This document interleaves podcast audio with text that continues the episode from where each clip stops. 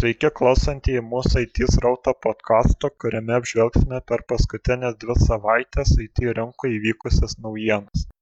Šį kartą pakalbėsime apie pristatytus Mac kompiuterius, DJI Mini 2 droną, Nokia TV priedėlį, PayPal kriptovaliutų palaikymą.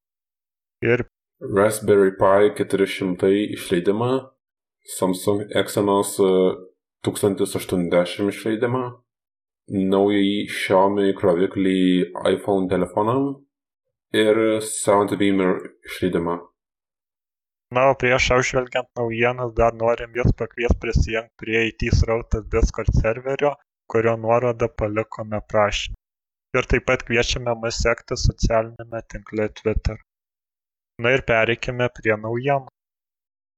Nepelną siekianti organizacija Raspberry Pi išleido naują kompiuterį Raspberry Pi 400. Tai yra kompiuteris, kuris yra integruotas į klaviatūrą, skirtas įvairiams projektams. Šis kompiuteris kainuoja 70 dolerių be jokio komplekto arba 116 eurų su viso komplekto. Kompiuteris turės 4 branduolių 1,8 GHz ARM procesorių, 4 GB darbinės atminties, 5 GHz Wi-Fi AC palaikymą, Bluetooth 5.0, 1 gigabito RJ45 palaikymą, 2 USB 3.0 ir 1 USB 2.0 jungtį, GPIO jungtį, kuri leis Raspberry Pi susisiekti su išoriniais renginiais Taip pat yra dvi mikro HDMI jungtys, kurios palaiko iki 4K raiškos monitorius. Micro SD kortelių palaikymą, USB-C jungtį, kuri yra skirta Raspberry Pi maitinimui. Taip pat šis kompiuteris gali paleisti 4K raiškos vaizdo įrašus. Perkant kompiuterį bus galima pasirinkti iš septynių klaviatūros išdėstymo variantų. Šį kompiuterį galima įsigyti jau dabar Raspberry Pi svetainėje, kurią paliksime aprašymę. Tai kas nežino, tai galim pasakyti, kad Raspberry Pi tai yra vienos plokštės kompiuteris. Taip ir su šito vienos plokštės kompiuterio entuziastai sugeba padaryti tikrai daug. Na taip. Nes tai Paprastai Raspberry Pi buvo vienos plokštės kompiuteriai, kurių dydis yra maždaug kaip jūsų banko kortelė. Jo, čia juo gali naudotis net ir netokie patyrę kompiuterių žinovai. Na taip, su, su jom galima padaryti daug ir nereikia žinoti daug, norint padaryti daug. Mm. Na ir galim dar pasakyti, kad jeigu pirksit visą komplektą tai gausit ne tik patį kompiuterį integruotą į klaviatūrą bet ir pelę su maitinimo šaltiniu ir mikro HDMI kabeliu. Ir taip pat dar gausit vieną microSD kortelę, kurioje yra įrašyta Raspberry Pi operacinė sistema. Norėčiau paminėti, kad Raspberry Pi operacinė sistema, kuri vadinasi Raspbian, tai yra Linux distribucija, kuri yra skirta Raspberry Pi kompiuteriui. Na taip. Na ir turbūt apie šį įrenginį būtų tiek. Sekanti naujiena, šiemet jau trečiame Apple renginyje pavadintu One More Thing buvo pristatyta nauja Mac kompiuterių serija, bei pačios bendrovės sukurtas M1 ARM procesorius, kuris ir veiks naujuose kompiuteriuose. Na o dabar kiekvieną apžvelkime plačiau.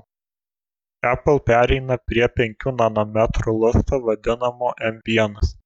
Jis sudaro 8 branduolių procesorius, kuriame Apple teigimu yra greičiausi procesorių branduoliai iš visų kada nors pagamintų procesorių ir geriausias bet kurios savo klasės rinkoje esančių procesorių našumas vienam vatui. M1 taip pat turi 8 branduolių integruotą grafikos apdorojimo įrenginį, o Apple vėl pabrėžė, kad jis gali užtikrinti geresnį našumą nei bet kuris kitas naujausias nešiojamo kompiuterio lustas, tuo pačiu sunaudodamas mažiau energijos. Na kaip tau šis naujas procesorius? Na, man pirmiausia užkliuvo pavadinimas. Mes puikiai žinome, kas Lietuvoje yra M1. E, norėčiau paminėti, kad tai yra M1, ne M-1. Jo, jo. Na ir ką galima įskert, kad turbūt buvo daugiau gražių žodžių negu parodyta realiai. Mm, taip, ko tikiesi iš Apple. Na taip. Na, o dabar apie išleistas kompiuterius, tai Apple išleido naują 999 dolerius kainuojantį MacBook Air su M1 vienu iš pirmųjų macOS įrenginių turinčių savo naują lustą. Bendras dizainas atrodo taip pat kaip ir ankstesnio modelio, tačiau bendrovė teigia, kad M1 užtikrina geresnį akumuliatoriaus veikimą, tai yra iki 18 valandų vaizdo rodymo, ir geresnį bendrą našumą naudojant tokias intensyvias programas kaip Adobe Lightroom ir žaidimus, kurie naudojami integruotoje grafikoje.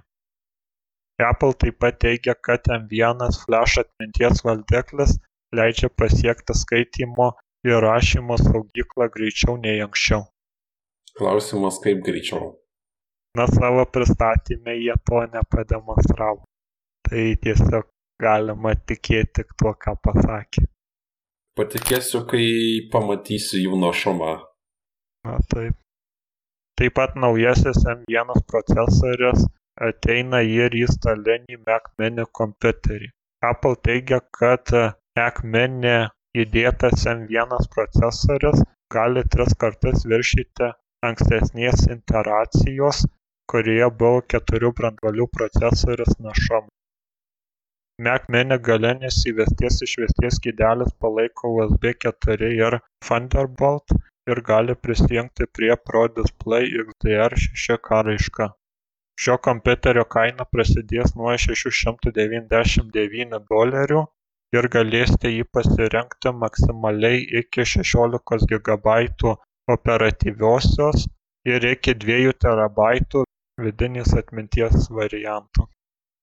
Tuo tarpu Apple 13 colio MacBook Pro yra kitas macOS įrenginys gaunantis M1 lustą pasak apple jis turi ilgiausią baterijos veikimo laiką tarp visų mac. O vaizdo įrašas gali būti atkuriamas iki dvidešimties valandų. M1 lustas pagerins interneto paslaugų tiekėjo rodomą vaizdą per mac kamerą vaizdo skambučių metu kaip tai darys ir macbook air.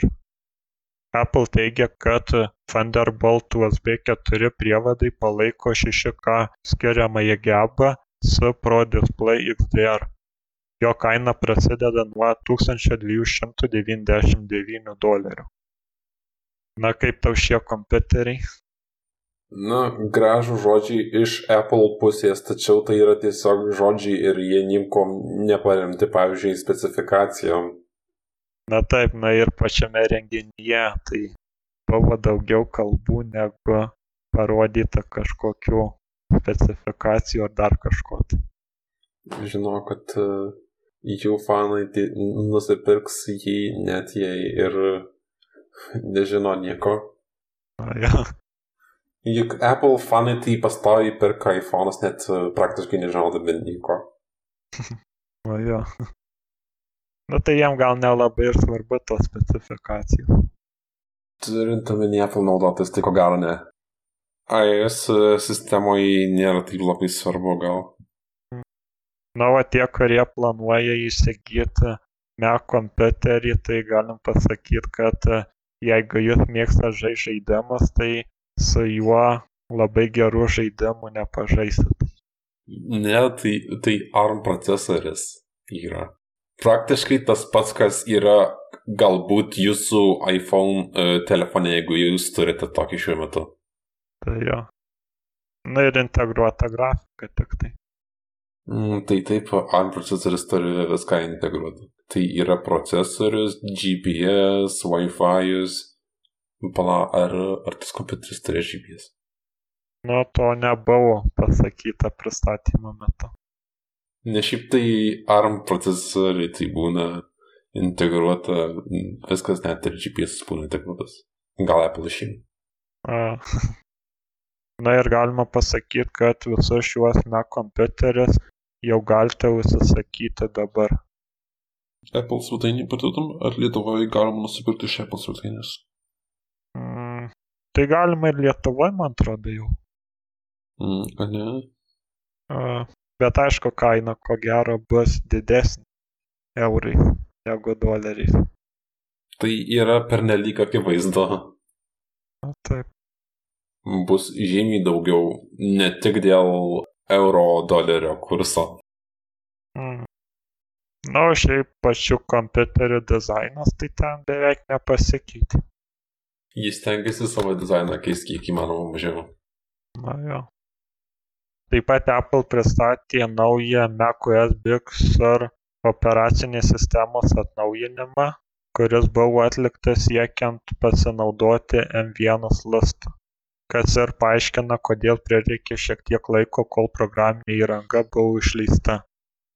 Apple savo renginyje pademonstravo kaip greitai gali įsijungti nešiojamas kompiuteris kuris atrodė kaip macbook pro taip pat kaip greitai gali būti atidaromos programos šis naujas operacinės sistemos atnaujinimas jau yra prieinamas na ar teko kažką girdėti apie šią operacinę sistemą Nelabai pats domiuosi macOS operacinę sistemą, nes ją galima paleisti tik tai Apple kompiuteriuose. Na jo. Mm, nebent jei darysi Hackintosh, kas e, nėra paminėta Apple licenzijos sąlygose. Šiaip taip, Hackintoshinimas Apple licenciją pažydžia. Ir galim pereiti prie kitos naujienos. Neseniai e, Kinijoje Samsung paskelbė savo naująjį e, Exynos 1080 procesorių, kuris bus skirtas vidutinės klasės telefonam. Šis procesorius bus pagamintas pagal 5 nanometrų gaminimo technologiją. Vienas brandolys bus 2,8 GHz, 3 brandoliai suksis 2,6 GHz dažniu ir likusiai 4 toksis 2 GHz dažniu. Šis procesorius palaikys 200 e, megapikselių kameras, 32 megapikselių vieną arba dvi iki šešių kamerų 4K raiškos 60 e, kadrų per sekundę vaizdo įrašymą vaizdo apdorojimą e, paremtą dirbtiniu intelektu ir galimybę redaguoti HDR10 video. Šis procesorius taip pat e, palaikys 5,1 gigabito per sekundę ir 3,67 gigabito per sekundę 5G ryšį. 144 Hz ekranų palaikymą, Wi-Fi 6 palaikymą, LPDDR5 darbinės atminties palaikymą ir UFS 3.1 standarto vidinę atmintį. Samsung teigia, kad sekančiais metais pirmieji naudos šios procesorius Vivo telefonai. Na, kas man įdomu iš šito procesoriaus, tai kad e, jisai palaikys 200 megapikselių kameras. Įdomu, kada pamatysim tokius telefonus su tokiom kamerom. Esu tikras, kad negreitai čia iki 200 megapikselių. Nu jo, bet skamba tai gerai. Mm, skamba įspūdingai, bet Mm, Samsung moka žmonėm už tai, kad gražiai pakalbėtų. Na taip. Na, o kažko tai apie našumą, tai Samsung sakė, kad vieno brandolio našumas padidėjo 50 procentų. Mm. Ir dar daugiau nei vieno brandolio yra. Multicore yra. Kelių branduolių našumas padidėjo du kartus. Na, ko gero, kai Vivo telefonuose pasirodys šie procesoriai, tai tada ir pamatysim, koks jų pajėgumas. Ir ar jie galės konkuruoti su Snapdragon. Nu, tai. Na tai apie šį procesorių būtų tiek.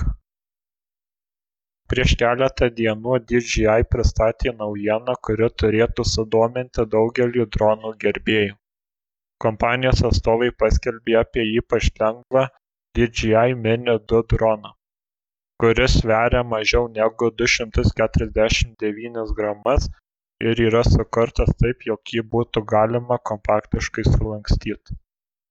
DJI pridėjo savo OcuSense 2.0 technologiją, kuri siūlo geresnį, stabilesnį ir ilgesnį ryšio atstumą tarp drono ir nuotolinio valdymo pulto. Taip pat skelbia, kad perdavimo atstumas nuo šiol sieks 10 km, o tai net 150 procentų didesnis nuotolis nei originalaus Mavic Mini drono.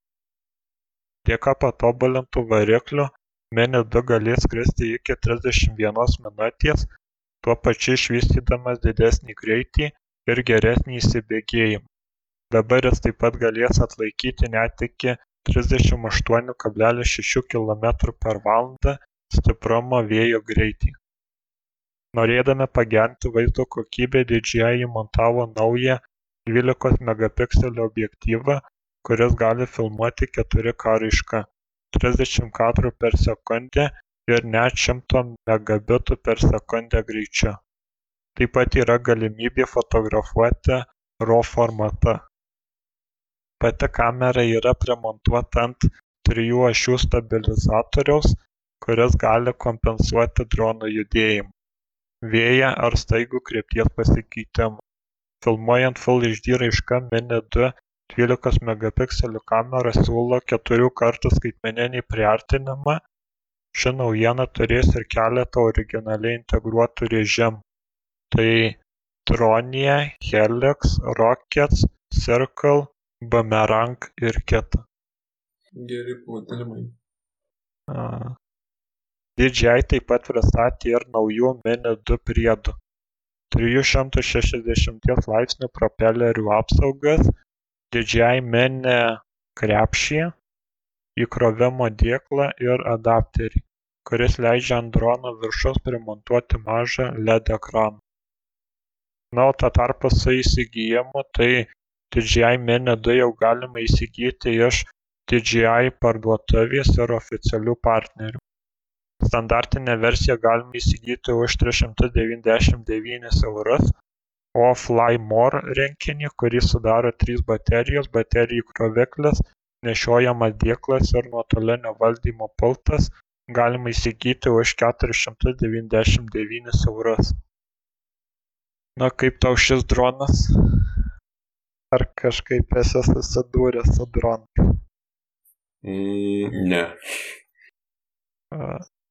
Na tai yra skirta daugiausia fotografuoti aplinkai filmuoti vaizdus tai mes tuo nelabai užsiimam mm, na ne užtenka telefono.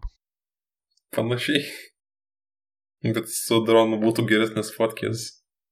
Na jo, bet e, jisai kainuoja tiek pat, kiek vidutinės klasės telefonas. Tiesa. Na ir taip pat galima paminėti, kad naujasis DJI Mini 2 yra įvardyjamas kaip geriausias dronas, kurį galima nusipirkti už mažiau nei 500 dolerių.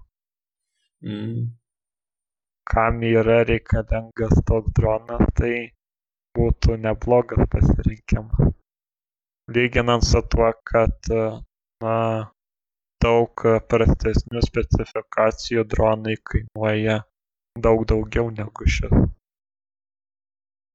Xiaomi neseniai pristatė maitinimo blokelį skirtą iPhone 12 telefonams maitinimo blokelis palaikys dvidešimties vatų greitąjį įkrovimą ir kainuos 5 eurus vietoj įprastos e, Apple 30 eurų kainos. Na, šešiauame žingsnis, tai sakyčiau, gan geras yra. Labai protingas žingsnis. Jo, jo. Na ir turbūt sulauks savo pirkėjų. Mm, tai be abejo, juk įkroviklis kainuoja žymiai pigiau nei iPhone įkroviklis. O naujieji iPhone įrenginiai neturės maitinimo blokelio. Na jo. Kaip minėjau ankstesnėme epizode, tai iPhone naudotojai e, nemanau, kad turės USB-C maitinimo blokelį. Na ir Xiaomi taip pat, kaip jau minėjom, kad prieš tai buvo paskelbę maitinimo blokelį telefono dėžutį. Tai turbūt čia ir buvo tos kaip pristatymas to įkrovė. Ne, ten tiesiog pašiepė Apple, kad... Nu jo, jo, bet. Jie neturi maitinimo blokelio savo dėžutėse, o Xiaomi turi. Bet kaip sakoma, jie tą reklamą išnaudoja. Ne, tai. Austrijoje įsikūrusi bendrovė StreamView GmbH tapo oficialia Nokia prekių ženklo dalimi, prekiaujančia išmaniaisiais televizoriais, TV priedėliais ir DAB+ radijo imtuvais Europoje, Viduriniuose Rytuose ir Afrikoje. Na, o dabar ši įmonė pristatė ir savo pirmąjį produktą Nokia Streaming Box 8000, kurį gamina Sei Robotics. Šiame prietaise veikia keturių branduolių Amlogic S905X3 lustų procesorius su keturiais ARM Cortex A55 branduoliais bei ARM Mele G31 MP2 vaizdo plokštė. Operatyviosios ateities kiekis šiuo metu nėra žinomas, tačiau tikimasi, kad jis bus ne mažesnis nei 2 GB palaikys wi-fi ir bluetooth keturi taškas du taip pat turės usb trys taškas nulis usb type c ethernet hdmi optical audio ir av jungtis bei gebės perduoti vaizdą 4K raiška. Jame bus įdėkta Android TV 10 operacinė sistema, programėlės bus galima įsidėkti per Google Play aplikaciją. Pranešama, kad Nokia Streaming Box aštuoni tūkstančiai TV priedėlio kaina sieks apie šimtą eurų, o šio prietaiso prekybą planuojama pradėti prieš kalėdas visoje Europoje. Na ką turiu pasakyti? Jie taikė į kalėdų laikotarpį. Tai jo, jo. Jie, jie žinojo, kad e, daug žmonių pirks šitom laikotarpiu. Jo, ir, ir gal dar galima pridėti, kad čia nėra tas pats kaip neseniai pristatytas google chromecast su google tv šitam priedėly galima ne tik filmų ten programėles įsidiegt bet aplamai visas programėles kurios yra google play parduotuvėj. Tai ir žaidimas ir visa kita. Būtent. Na kaina gal truputį ir didoka bet bet žinant nokia tai turbūt blogo daikto nesiūlys. Na, su, su dabartinė Nokia, tai aš nežinau, su ankstesnė, tai galėčiau sakyti, būt, taip, tikrai taip. Su dabartinė Nokia, tai nežinau, jie, jie neturi savo fabrikų, kur, kuriuos jie turėjo kadaise. Jie tiesiog licencijuoja savo ženklą. Na tai ir šitą priedėlinę jie sukūrė, tik tai E, nu jie suteikė leidimą naudoti Nokia prekinį ženklą. Jo, asmeniškai šitos įmonės tai aš tikrai nežinau. Tai aš, aš nežinau, kokia kokybė būtų šito gaminio. Nu ją reikės laukti kokiu apžvalgų gal. Ja, bet tai apžvalgos neparodys patvarumo. Na ir jo dizainas toksai minimalistinis. Jo, tai Nokijos dizainas. Na ir taip pat jisai turės ir nuotolinio valdymo pultelį. Jo, visi tokio tipo įrenginiai turi nuotolinio valdymo pultelį. Jo, bet šitas pultelis tai yra pilno dydžio čia.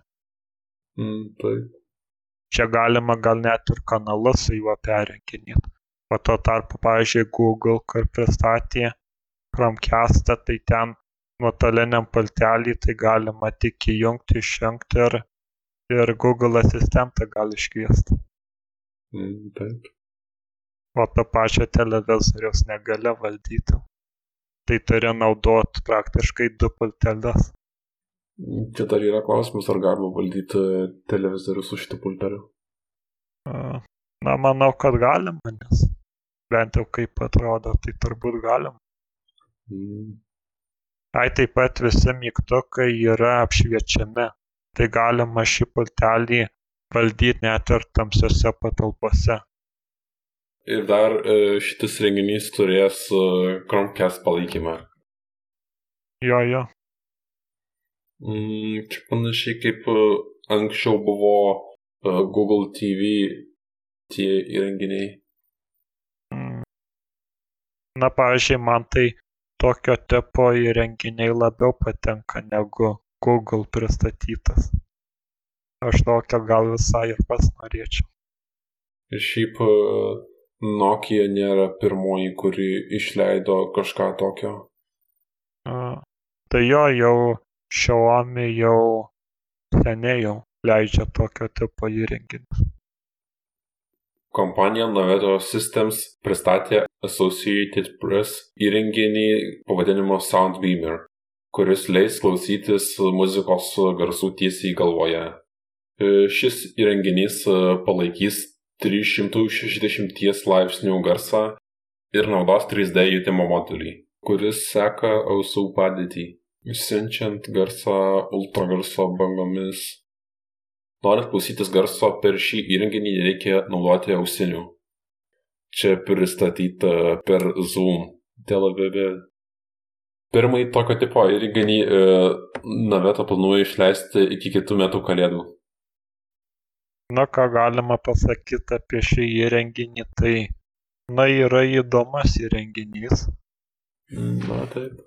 Aišku, įdomu, kaip jisai veikia. Sužinosim vėliau. Dar jam yra kur padirbėti. Na, jo čia tiesiog dar tik prototipą pristatė. Būtent. Na, bet čia bus perduodami visi garsai, net ir televizoriaus ar, pavyzdžiui, YouTube garsai.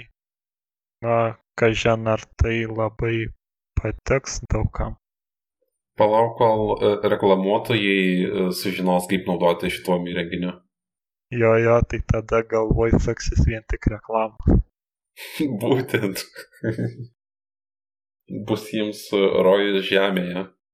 Jo, jo, nes, pažiūrėk, kaip e, šio įrenginio generalinis direktorius sako, kad smegenys nesupranta to, ko nežino tada mūsų smegenys žinos, kas yra reklamos. Lyg nežinojom prieš tai. Na tai sako, kad prieš tai mūsų smegenys tiesiog ignoruodavo galbūt. Mm. O dabar jau kaip bet galvoj, tai jau nelabai ir paignoruos. Jo, reikės jų bloko origin smegenim arba AdBlock Plus. jo, jo. Šiaip tai uBlock Origin gal populiaresnis Lietuva, šiaip geriau uBlock Origin naudot. Jo. uBlock Origin yra geriau. Jo. Kurį tu išnaudoji, uBlock Origin ar AdBlock? uBlock. A. Na, ko gero būtų ir tiek. Nelabai ir yra ką apie tai pašnekėti. Jo, reikia laukti daugiau informacijos. Kaip toliau vystysi šis projektas. Mm, taip. Na, negalima atmest varianto, kad galbūt jisai tik ir liks prototipo stadijai. Gali ir tai būti. Na, aišku, reikia, kad būtų tam ir paklausa. Kažin, ar yra tam paklausa. Na, matysim. Taip, tai ir paskutinė naujiena. PayPal nuo šiol leidžia visiems JAV vartotojams pirkti, parduoti ir laikyti kriptovaliutą spalio mėnesį buvo paskelbta apie planus atidaryti kriptovaliutų prekybą jav gyvenantiems vartotojams tačiau iki šiol tai galėjo tuo naudotis tik nedidelis kiekis paypal sąskaitų savininkų. Tačiau dabar tai keičiasi nes paypal sako kad visi reikalavimus atitinkantys vartotojai gali pradėti pirkti parduoti ir laikyti bitcoin litecoin ethereum ir bitcoin cash kriptovaliutas. Nuo kitų metų paypal mobiliųjų mokėjimų grupė Venmo planuoja įdėkti kriptovaliutų palaikymą ir leis vartotojams atsiskaityti kriptovaliutomis 26 milijonuose prekybos vietų. Beje, verta paminėti, kad atsiskaitymams skaitmeninė valiuta bus konvertuota į fiat valiutą. Bendrovė nedetalizavo savo planų, kada kriptovaliutų prekyba bus galima kitose šalyse, tačiau sako kad tarptautines rinkas pasieks pirmoje 2021 metų pusėje. Mm, esu matęs, kad e, atrodo varliai galima uh, pirkti su kriptovaliuta. Jo, galima. Nu bent jau anksčiau tai buvo galima, kai bitkoino buvo aukšta kaina. O paskui man atrodo, kai bitkoino kaina nukrito labai, tai jau jie išėmė ar ne? Reiktų pažiūrėti, ar vis dar jie turi palaikymą kriptovaliutom. O, jo, nes jiem neapsimokėjo lyg jau. Na, kaip kaina nukrito, tai jiem jau tada nuostolis jau buvo. Tai tipo jau neturi? Nežinau, dabar bitkoino kaina vėl pakilo gal iki 15 tūkstančių dolerių, tai, tai dabar gal vėliau prieima atsiskaitimus. Mm, tai tipo matai, kad uh, tiesiog nebuvo priimama. Tiesiog išėmė. Ne, aš nemačiau, aš tiesiog kažkur tai esu skaitęs, kad tipo dėl mažėjančios bitkoino vertės jie buvo nusprendę išimti kuriam laikui.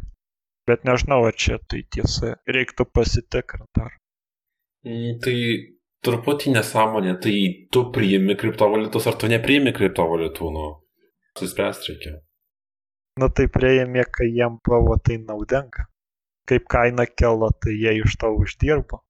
O kaip kaina staigiai smoko, tai jiem nuostolis. Mhm. Bet apie tai yra kriptovaliutos. Na jo, jų vertė yra nestabili. Taip, jų, jų vertė niekada nėra stabili. Jo. Na galbūt taps stabili, kai bus iškastos visos kriptovaliutos, kurių liko gal keli milijonai ir kiek tenais. Tada gal kaina kažkiek taps stabilesnė. Galbūt laikas parodys. Na, ja.